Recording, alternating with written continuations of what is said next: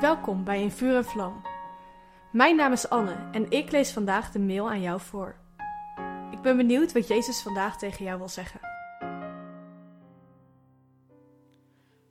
Wat moeten de discipelen wel niet gedacht hebben toen Jezus na zijn opstanding weer terug naar de hemel ging?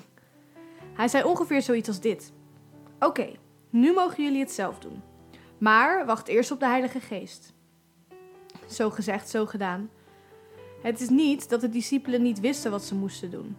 Ze waren al een keer eerder op training gestuurd. In Matthäus 10 worden ze al eens uitgezonden. Dus wanneer Petrus na de uitstorting van de Heilige Geest een verlamde man ziet liggen, weet hij wat hem te doen staat. En wanneer Petrus doet wat hij moet doen, staat deze verlamde man op. Zie Handelingen 3. We hebben eerder gezien dat je als discipel van Jezus meer op hem gaat lijken. Maar als je op hem gaat lijken qua karakter en identiteit, dan ontdek je op een gegeven moment dat je bepaalde rechten hebt in Gods koninkrijk. Je ontdekt dat je autoriteit hebt over zonde en over duisternis. En dan ga je handelen vanuit de liefde en je identiteit in Jezus. Je gaat lijken op Jezus en doen als Jezus, net zoals de discipelen. Elk wonder dat God door ons heen doet, is een getuigenis dat Hij leeft. De wonderen doen wij namelijk niet vanuit onszelf. Dit gebeurt doordat Jezus in ons woont met zijn Heilige Geest. Door Hem zijn we kinderen van God. Nadat de verlamde man uit Handelingen 3 is opgestaan, gaat hij samen met Petrus en Johannes naar de tempel.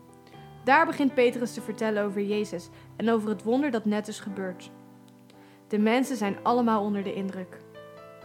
Wij hebben dezelfde opdracht gekregen als de discipelen van Jezus.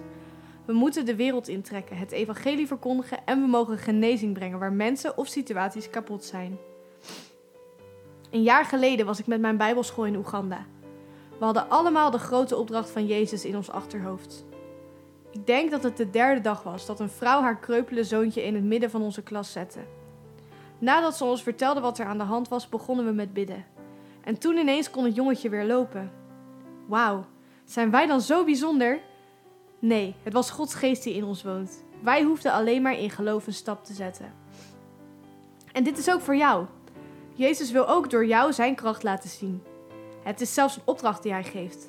Doe jij mee? Bid dan dit gebed samen met mij.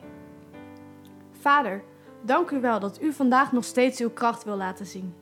Ik wil mij graag beschikbaar stellen voor uw werk. Wilt u mij leiden en door mij heen werken? In Jezus' naam. Amen.